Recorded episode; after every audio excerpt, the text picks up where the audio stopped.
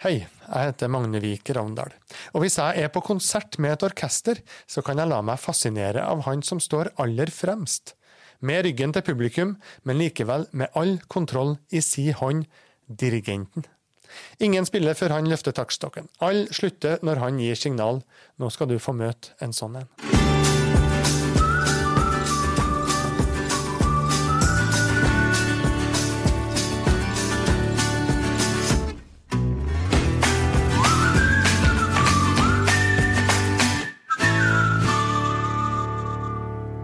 Tora Diggum, god dag, god dag. God dag, god dag, Magne. Du, Mellom oss, helt ærlig, kjenner du på den makta som ligger i det å stå der med dirigentstokken? Alle følger med deg, liksom? Det er mange som spør om, eh, om, man, eh, om det er makta som gjelder når man ja. er dirigent. Ja. Eh, med hånda på hjertet. Det er, det er det er mer gleden av det store apparatet, veldig mange som spiller sammen, og mm. får lov til å i beste fall da lede an i det. Det er faktisk det som trigger meg. Mm. Eh, Hvordan havna du i front av et symfoniorkester?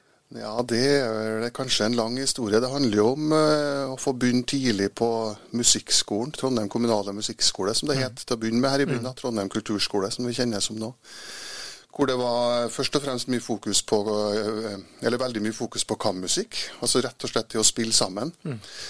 Og dermed også orkester, eh, det å spille i orkester sammen. Da. Så jeg begynte veldig ung i amatørorkester i byen her. Det var faktisk noe som het Trondheim Handelsstands Foreningsorkester. Oi. Vi er i gamle dager nå. Vi er på 1980-tallet. Ja. Eh, og ja, og fikk veldig smaken på det store formatet. Det var noe spesielt med å være en del av et så stort og variert lydbilde. Ja. Eh, men en lang vei derifra til å, til å bli dirigent. Da. Så, så, den har jo mange punkter, på en måte, den mm. historien. da. Mm. For det var i 1997 at, at du fikk dirigert for første gang? Du, Det var faktisk tilbake i 1991. Oi, det er så langt tilbake. Eh, da mm. var det daværende rektor og han som starta kulturskolen, musikkskolen i Trondheim, Kåre Oppdal, ja. eh, organiserte et orkesterprosjekt eh, i Olavshallen. Som jo var bare halvannet år gammelt, eller noe sånt. Mm. Når jeg tenker tilbake. Det er litt rart å tenke på nå. Men da var vi et par stykker som fikk lov til å dirigere det store orkesteret, og det ga noe mersmak, ja. Hvordan var det første gang? Det var spennende, det var mektig, det var vanskelig, det var tøft, og det var eh, akkurat sånn som eh, musikk og eh, andre store opplevelser skal være. Litt vanskelig å sette ord på. Ja, ja. Vi skal prøve oss da, litt utover podkasten og sette ord på litt uh, forskjellige, Torad. Ja. Men jeg har altså lurkikka inn på uh, hjemmesida di. Der står det at du har dirigert de største orkestrene i Norge. Du har dirigert i Göteborg, Estland, København, Island, Helsingborg, Leipzig, Bremen, Berlin, Polen og Russland. Eh, hvis det ikke er denne makta og innflytelsen som drar deg til alt det her, hva er det da? Nei, Det er noe med det som er nevnt så vidt i sted. Jeg har på en måte fått uh, jeg fikk jo på en måte det å lære å spille et instrument i gave, i og med at det, det var tilbud da jeg var veldig liten. Som jeg kan eh, si noen fine ord om også. Mm. Eh, fikk eh, oppleve det samspillet, og har etter hvert innsett og erfart at man er en del av et veldig noe veldig stort, mm. når man får lov til å på en måte være med og og få være en bitte, bitte liten del i å forvalte den her store musikk-kulturarven, mm. som, jo, som jo symfoniorkestrene og den klassiske, de klassiske ensembler og utøvere gjør. Mm. Eh, det er jo århundrer med musikk. Veldig mye forskjellig. Og eh, er, den er på en måte alles mm. arv. Mm.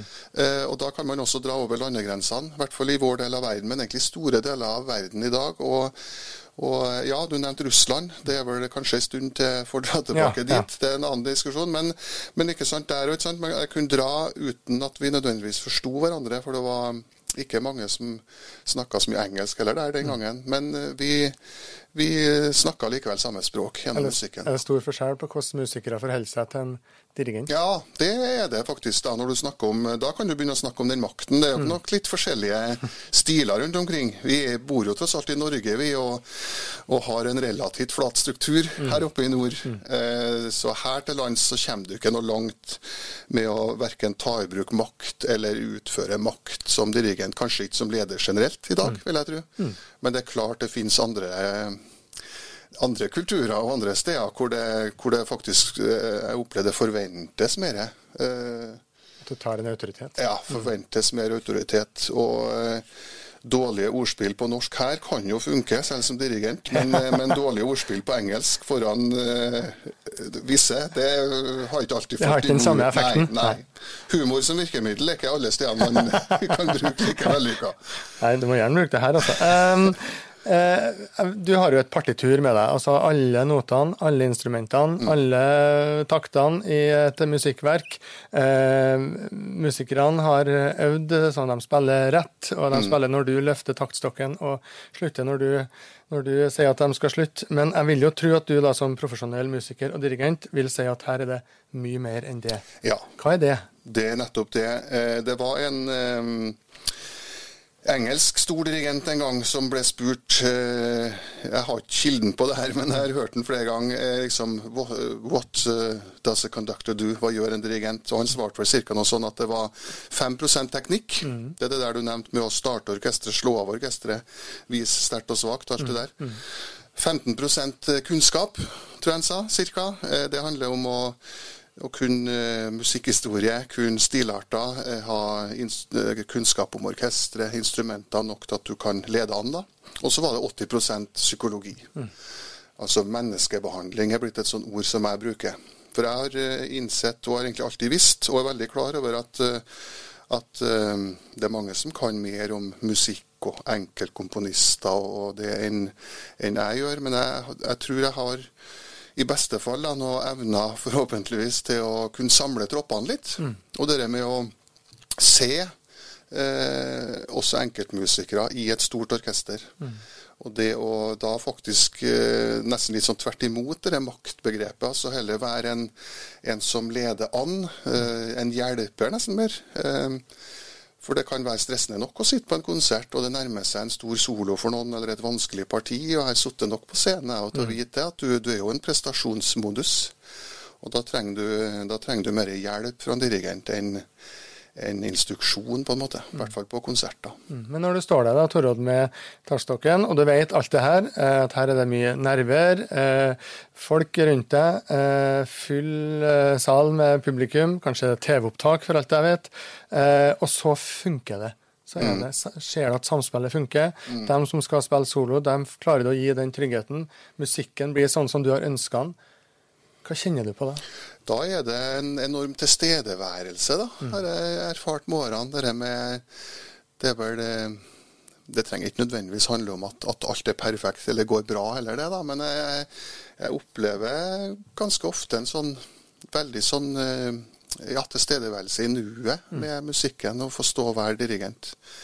Eh, og da blir det igjen da, vanskelig å sette ord på. men eh, men um, det er jo summen av, av musikkopplevelsen i seg sjøl, eh, som kanskje er vanskelig å ta inn 100% når du er på jobb, da, for å mm. kalle det som dirigent. Men du kjenner jo, du er jo tross alt i musikken. Mm. Men så er det også gleden av at samspillet da lykkes, sånn som du beskrev det. Da kan man jo ha trua på at, eh, at, det er fint og bra å høre på for et publikum òg. At det mm. gir dem noe. Eller en åndelig opplevelse? Ja, det, det, vil jeg kalle det, for min del. Ehm, jeg har jo opplevelser både eh, på podiet sjøl, si, men også definitivt som, som, publikummer, som gir meg noe som, eh, som jeg godt kan kalle åndelig. Ja. Mm. Eh, sjelelig påfyll. Ja, kall det nå hva vi vil. Mm. Du, eh, Hvis vi går litt tilbake i tid, spoler litt tilbake nå, da, så ja. er du altså født og oppvokst i Trondheim. Ja, du skal spole så langt tilbake? Ja, ja det, det, vi har en bra kassaspiller. Ja, ja. du hadde aktive foreldre, tre søsken i tillegg til deg. Du var attpåklatten. Ja. Hvordan prega det deg? Du, jeg, Ja, det er jo et godt spørsmål. Jeg, opp i, jeg er jo født i Trondheim, ja. Vokste opp oppe i Blomsterbyen. Mm -hmm. På Nardo, mellom Nardo og Moholt der. Eh, absolutt attpåklatt. Tre eldre søsken. Eh, og det har sikkert eh, altså Når jeg tenker tilbake, så hadde jeg bare en, eh, en, en trygg og artig og fin oppvekst. Veldig trygge rammer. Et fint strøk å vokse opp i. En trygg familie å vokse opp i. Så det var jo det er jo én gave i seg sjøl. Mm. Noen attpåklatter er jo dirigent allerede da. Ja, det, det er ikke sant. Det kan godt hende det begynte allerede da. Det, skal det kan godt hende mine søsken mener. Ja, Nei, men de vokser jo opp i det, og, og med, da har man jo tre Da har man jo ganske store voksne etter hvert forbilder mm. når man er barn. Eh, så det er klart de var med og prega veldig mye i oppveksten, og det betyr vel at de har prega meg eh, generelt. da. Mm. Musikk tidlig, men også kirkeliv, og en familie som hadde kristen aktivitet som en del av hverdagen. Hvordan var tru formulert hjemme hos familien Vigum? Eh, absolutt kirkeaktive foreldre, ja. Foreldrene mine var um, både aktive i menigheten, som jo var Strinda, eller det var Tempekirka litt den tida her. Um, og også i organisasjonsliv for øvrig. Avholdssaken sto sterkt mm. hjemme hos oss. Det var nesten kanskje enda viktigere mm. enn um, Men um, godt spørsmål hvor mye det prega. Altså, det var jo en del, en slags integrert del av uh, Det tenkte ikke jeg på da, men på en måte av, uh, av familielivet vårt, ja. Mm. og ikke minst det at uh, alle mine tre eldre søsken gikk, var jo aktive i, og gikk i skolelaget mm. da de ble, var ungdommer. Så det var jo eh, noe av det mest selvsagte for meg òg, at jeg skulle mm. begynne i skolelaget. Så Vi, vi flytta akkurat da jeg skulle begynne på ungdomsskolen, så da begynte jeg på Rosenborg. Mm. Og der var det jo et uh, skolelag. Mm. Uh, Blue Rosin het det ja. i sin tid. Blussevoll, Rosenborg og Singsaker. Eh, der hadde jo mine søsken gått, og så det tror jeg var, hvis jeg erindrer rett, så tror jeg det var det første jeg skrev inn i timeplanen da jeg begynte på Rosenborg ungdomsskole. Ja. Onsdag 19.00, lagsmøte Berg prestegård. Ja. Det var helt underforstått, så det var jo ikke et aktivt valg. Men, eh, men eh, det ble jo en veldig fin tid, da. Ja. Var det naturlig for unge Torodd å snakke om tru? I laget og hjemme så Nei, altså hjemme så kan jeg ikke huske at vi snakka så mye om tro, jeg må innrømme, egentlig. Mm. Vi var, vi var nå det vi var, nær sagt. Eh, Innafor lagets rammer, eller i den gjengen som ble Og etter hvert ble jeg jo aktiv i det som het lagskoret. Mm -hmm. Der snakka vi mye om tru. Mm. Og det var jo føltes naturlig for meg. Men jeg var nok ikke eh, Snakka kanskje ikke mye om det ellers. Det var en liten sånn, kanskje en arena som var litt eh, var fin, men den var på en måte litt der, da. Mm, hvis ja. du skal prøve å rekapitulere, da, hvilke ord ville du da brukt, tror du, om, om det med tru? Den gangen? Mm. ja, godt spørsmål. Jeg tror jeg, jeg tror jeg, ble relativt gammel før jeg begynte å reflektere generelt. Nei, ja, men jeg, hadde, det var på en måte bare sånn det var. Um, det kan man jo kanskje kalle en barnetro, da, mm. eller uh, Men det var nok det um, det var definitivt Det er jo litt det samme som med musikken. Det var det samspillet, altså konkret samsangen i lagskoret, men generelt i laget. Det samholdet og det å være en del av en gjeng og et lag, mm. det, det, var nok veldig viktig for meg. da. Mm. Eh, og kanskje viktigere den gangen enn en akkurat den eh, private delen, hvis du kan si det sånn. Mm. Men du snakka til meg om at du også hadde et aktivt bønneliv. sa du. Hva slags erfaring var det? Ja, det var ganske heftig den alderen der. Man er jo, det er mye som eh, skal oppleves når man er i tenårene, sikkert på godt og vondt. Nei, jeg husker at vi, hadde, vi, var, vi ba mye sammen, ja. Mm. Um, og det er jo ganske sånn utleverende når du er 16, 17, mm. 18, og kanskje opp til 19. Vi var liksom en liten guttegjeng nær sagt, i, i, både i lagskor og i laget som uh, Vi hadde litt sånn våre egne bønnestunder. Det, det var fint, det. Mm. For da da kan man jo egentlig være eh, litt sånn direkte og personlig eh, uten å være det til sine, eh, til sine kompiser. Mm. For jo, du henvender jo til en større makt. Mm. Mm. Hadde du den samme opplevelsen her som den du har beskrevet i musikken?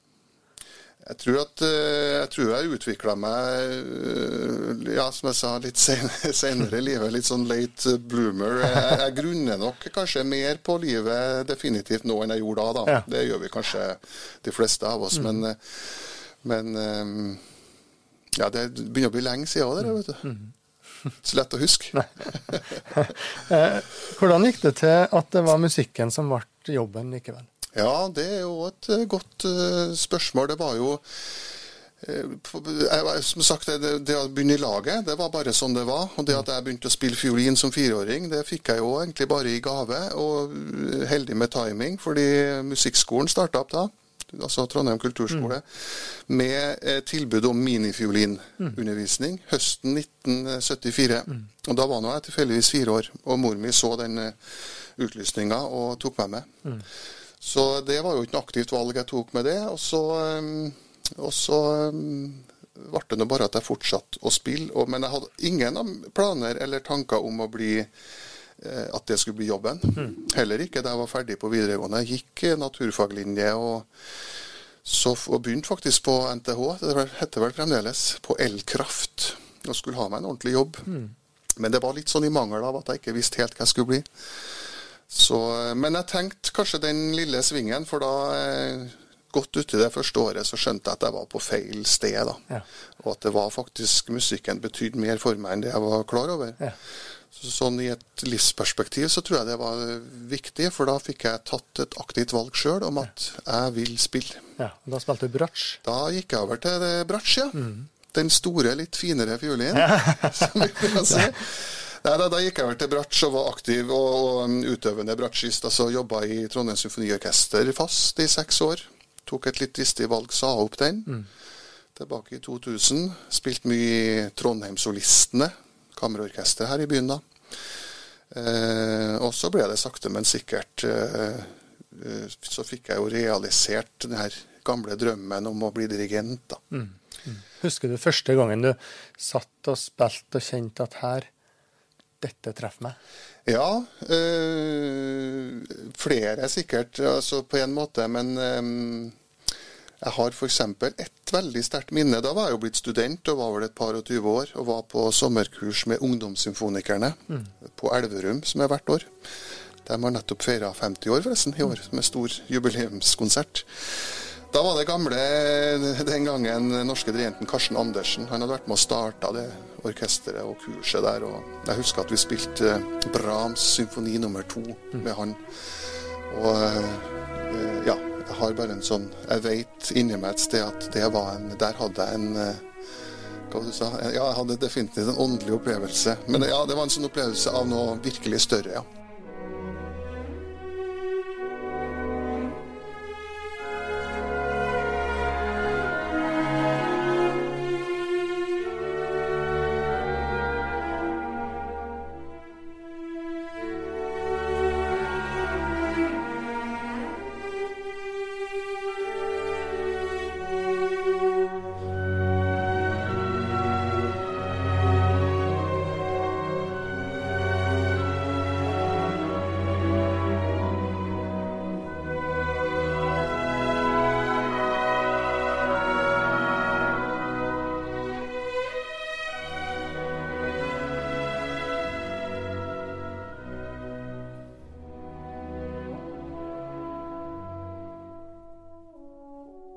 Men det her, når det, når det er noe virkelig større, hvor, hvor, er det det berører deg da?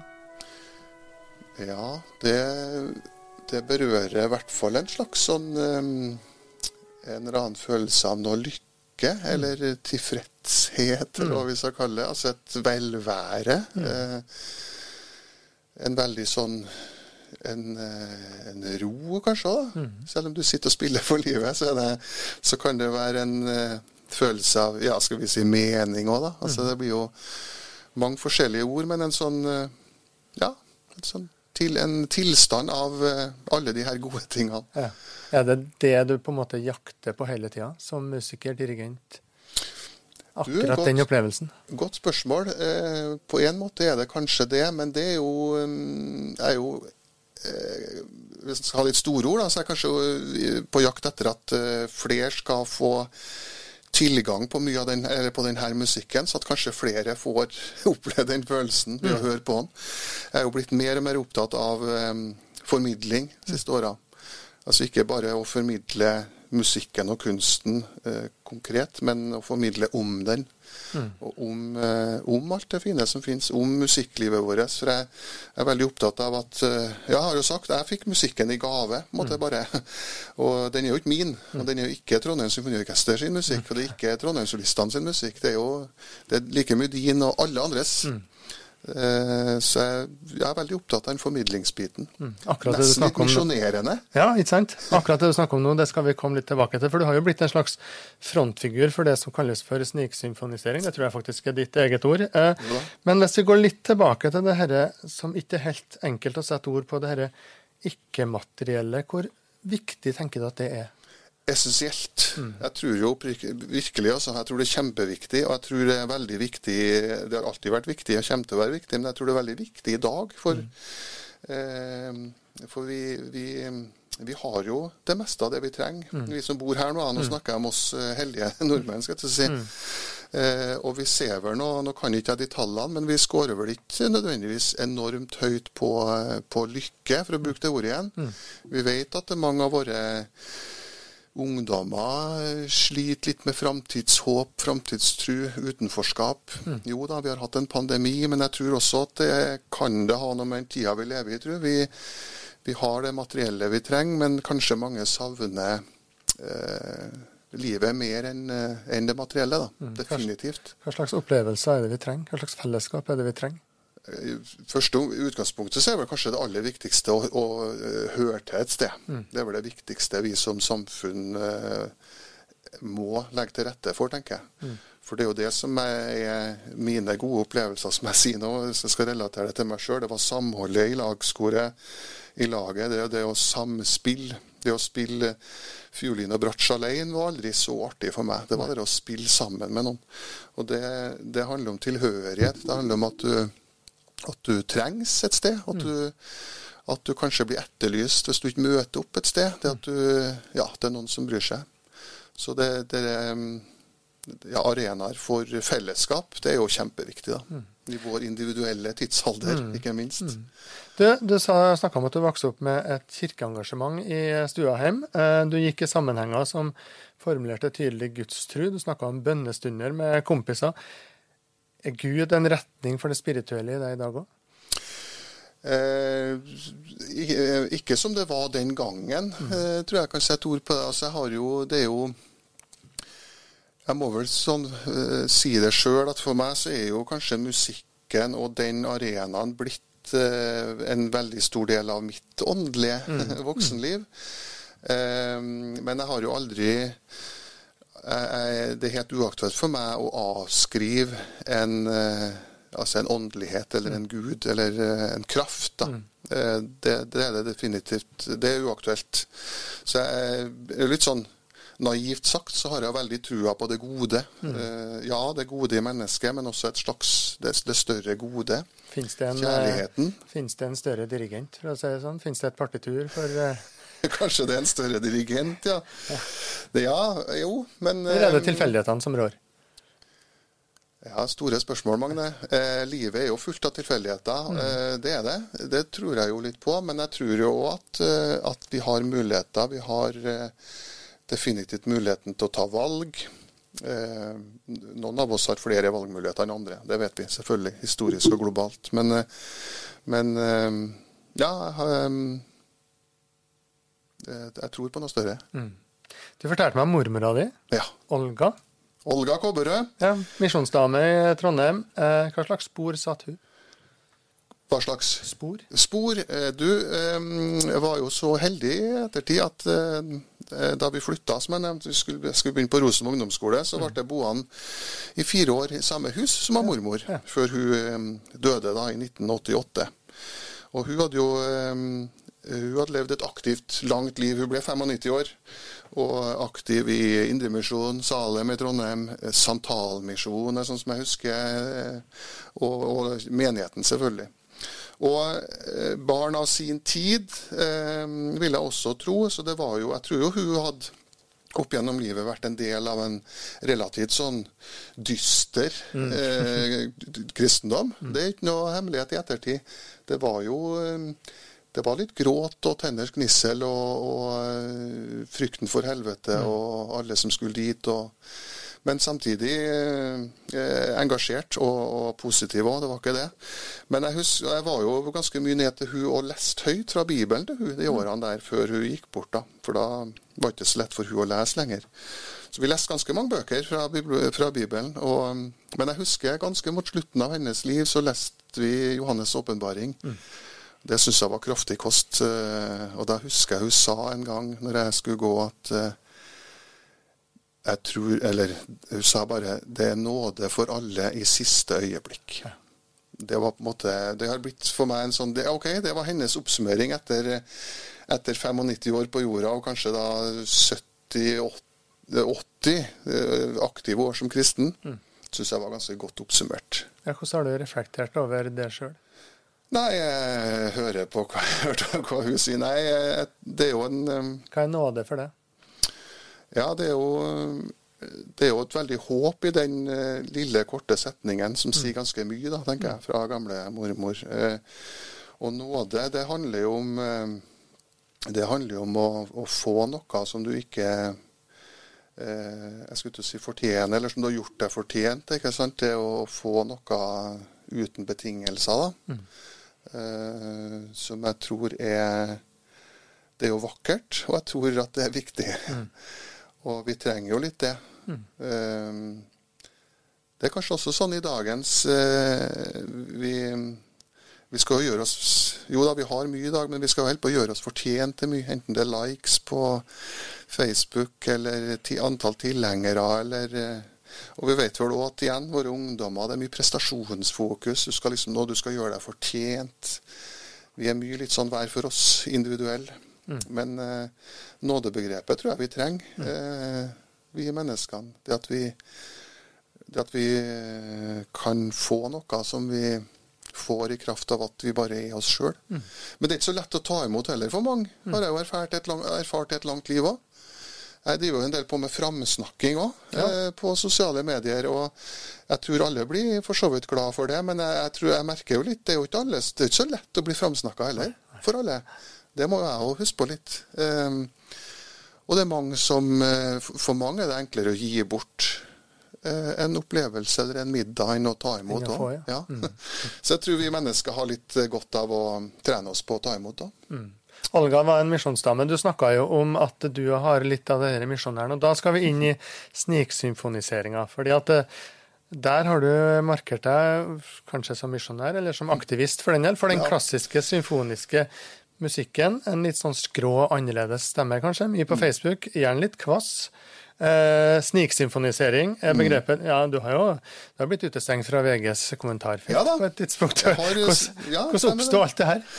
Du, Det oppsto jo med at jeg fikk et uh, litt seint, tro det eller ei, men litt seint møte med sosiale medier mm. og Facebook. Um, og hadde en, uh, en, konkret opplevelse med at jeg kasta ut en idé uh, egentlig da, på Facebook tidlig på, sen, på sensommeren 2015. Mm. Om, vi, om, det var noen som hadde lyst til å være med og, og lage en liten konsert og prøve å samle litt penger til Flyktninghjelpen. For da var det flyktningekrisen i Middelhavet som sto på dagsordenen i mediebildet vårt den, er jo, den, er den er blir jo egentlig bare verre og mm. verre. Men det er så mye annet som står nå, da. Men, um, men kort fortalt så tok den der ideen tok så veldig fart, sånn at det endte opp med en kjempekonsert i Vår Frue kirke. Eh, og da med et veldig sånn bredt eh, engasjement og bredt utvalg av eh, musikere og artister fra Trondheim. Og at dere, dere, gjorde nok noe med meg at OK, dette kan jo brukes til noe bra. Mm. Eh, men så var det konkret seinere senere det året, så, så satt jeg og um, havna inn i et kommentarfelt på nettet med relativt stygge, mm. eh, fæle eh, beskrivelser og utsagn. Alle kjenner jo til nå. altså kommentarfelt kan være ganske ille. Nettroll. Nettroll. Satt og prøvde å formulere noe, men så skjønte jeg at dette er vanskelig å finne ord på. Så var det egentlig bare en idé om at eh, ja, kanskje jeg bare skal Det trengs jo noe vakkert inni feltet her. Motvekt. Så jeg, jeg tok bare og kopierte en, en, lenke fra en ungarsdans ungarstans av Johannes Brahms. Og posta det på en måte kopiert inn det som min kommentar. da. Mm. Og så um, fikk jeg den ideen om at ja, bonusen her nå at kanskje noen klikker på dette, så får de hørt noe symfonisk musikk som de aldri har gjort før. Eh, og så, ja, Nå fikk jeg sneke inn litt symfonisk musikk, og så dukka sniksymfoniseringsordet opp. da. Og det fikk ganske fort eh, Jeg tror jeg traff noen kolleger og medmusikere i første omgang, men så, så dere fikk ganske fort eh, bra fart mm. på, på, eh, Facebook først og fremst. da. Så det har bredt om seg. Mm. Og um, Etter hvert så har du jo også brukt dette rommet til å ja, det var litt sånn vaktbikkje overfor uh, hvordan den symfoniske musikken fremstår i offentligheten, og om den i hele tatt fremstår, og hvilken plass mm. den burde ha hatt. og mm. Hvorfor er det viktig, alt det her? Ja, det er jo et eh, ves vesentlig spørsmål. Og det, og det, er riktig som du sier, mm, nå er det lenge siden jeg posta noe eh, symfonisk musikk i et kommentarfelt. Må innrømme for meg nå er sikesymfonisering blitt på en måte, Det er jo bare en hashtag, men det er blitt et slags virkemiddel nettopp til å, til å, å sette litt fokus på, på, eh, den symfoniske musikken i tilfellet her. da. Jeg tror jo generelt at at uh, eh, f.eks. når det gjelder innenfor kulturjournalistikken, som jeg har engasjert meg en del i, mm. Mm.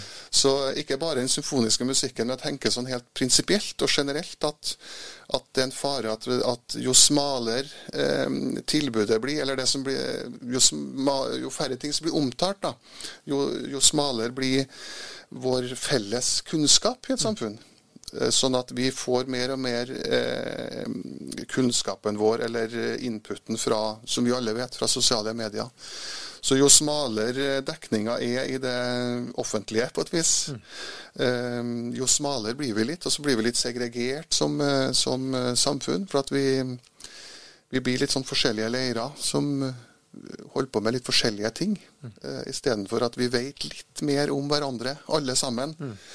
Men det er klart, helt sånn meg personlig, så, så, er det jo litt det der som jeg sa. Jeg har fått musikken og det å kunne holde på med den symfoniske musikken bokstavelig talt i en slags gave. Og jeg er takknemlig for at vi har et, et, offentlig eh, finansiert musikkliv. Vi har musikkinstitusjonene våre med, med operaen og med symfoniorkester og forsvarskorps og sånn. Og og jeg er veldig opptatt av, som jeg sa i sted, at det er verken mitt eller vi som holder på med det sitt. Det, det er vårt uh, virkelig ansvar å formidle det her til flest mulig. For det er alles uh, kulturarv. Mm. Men det at du da har ja, kjefta litt på, på kulturredaksjoner innimellom for at man ikke følger opp uh, det som du tenker er store begivenheter i, innenfor den klassiske symfoniske musikken. Det er den du har mm. på en måte vært et talsrør for. Tenker du at den er har noe annet, har noe sterkere, har noe bedre enn annen type musikk? Nei, definitivt ikke bedre. Det er viktig for meg å understreke. Og, um, um, jeg har virkelig ingen ambisjon om å, at det her skal løftes opp til å være noe bedre enn noe annet. Jeg er mer opptatt av at det også er viktig. Mm. Eh, og jeg tror jo definitivt at, eh, at klassisk musikk har noen, noen kvaliteter som, som, eh, andre kunstarter og musikktyper ikke har. Og vice versa, da, for å si det sånn. Mm. Eh, jeg tror bl.a. at Og det er definitivt sånn note to self. I dag så går det litt fort eh, fra mellom vi sepper og blar og alt det der. Jeg tror at det symfoniske formatet er noe som kan være til nytte for, for oss mennesker. Det at vi, at vi faktisk lytter. Mm. Altså, Vi konsumerer jo musikk over en lav sko i dag, mer enn noensinne, vil jeg tro. Vi har jo tilgang hele tida.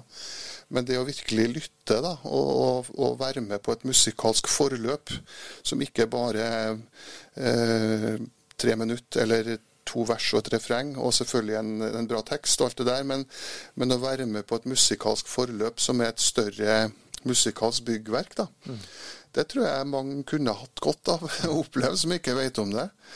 Og så tror jeg det er mye nyanser og farger musikalsk i et symfoniorkester som, som eh, ikke andre sjangre nødvendigvis har. Mm. Er det kampen for det ikke-materielle som på en måte ligger litt i dette her òg? Ja, som vi det er det jo. I starten? Det er jo det. Verdien, av, eh, verdien av opplevelser eller av eh, ja, det ikke-materielle, definitivt. Og også verdien av alt som vi ikke kan sette eh, prislapp på. Mm. Torodd, vi skal snart gå inn for landing. Du eh, bor i Trondheim i dag, ja. eh, på Byåsen. Ja da. Har to eh, unger, kan vi kanskje si, selv om de er over 20 år begge to, og har flytta ut av eh, Rede. Du er til og med bestefar. Ja, Ung bestefar, vil jeg påstå. Eh, hvis du skulle fortelle barn og barnebarn da, hva som var det viktigste for deg, hva hadde det vært? Eh, da er det jo det mest innlysende å si at man var en, eh, en god far og til stede. Men ja, jeg tror jeg håper at Eller hva som var det viktigste, for meg. Det du vil gi videre? Ja. Det tror jeg er sammen med kona mi, som har lært meg mye om det. Og og tør å ta egne valg. Uh, og, og, få muligheten til å ta egne valg, til å tenke sjøl. Mm. Bli uh, ikke, ikke prestere noe for at du skal bli godkjent, eller, men å tørre på en måte å gå, være deg sjøl, finne din vei. da. Mm. Um, ja. Det skal sies at uh, ingen av de to ungene dine er orkesterdirigenter så langt, så da har de i hvert fall uh, de, fått med seg akkurat det. Takk det, for at du kom, Torald Vigum. Takk for at jeg fikk komme, Magne.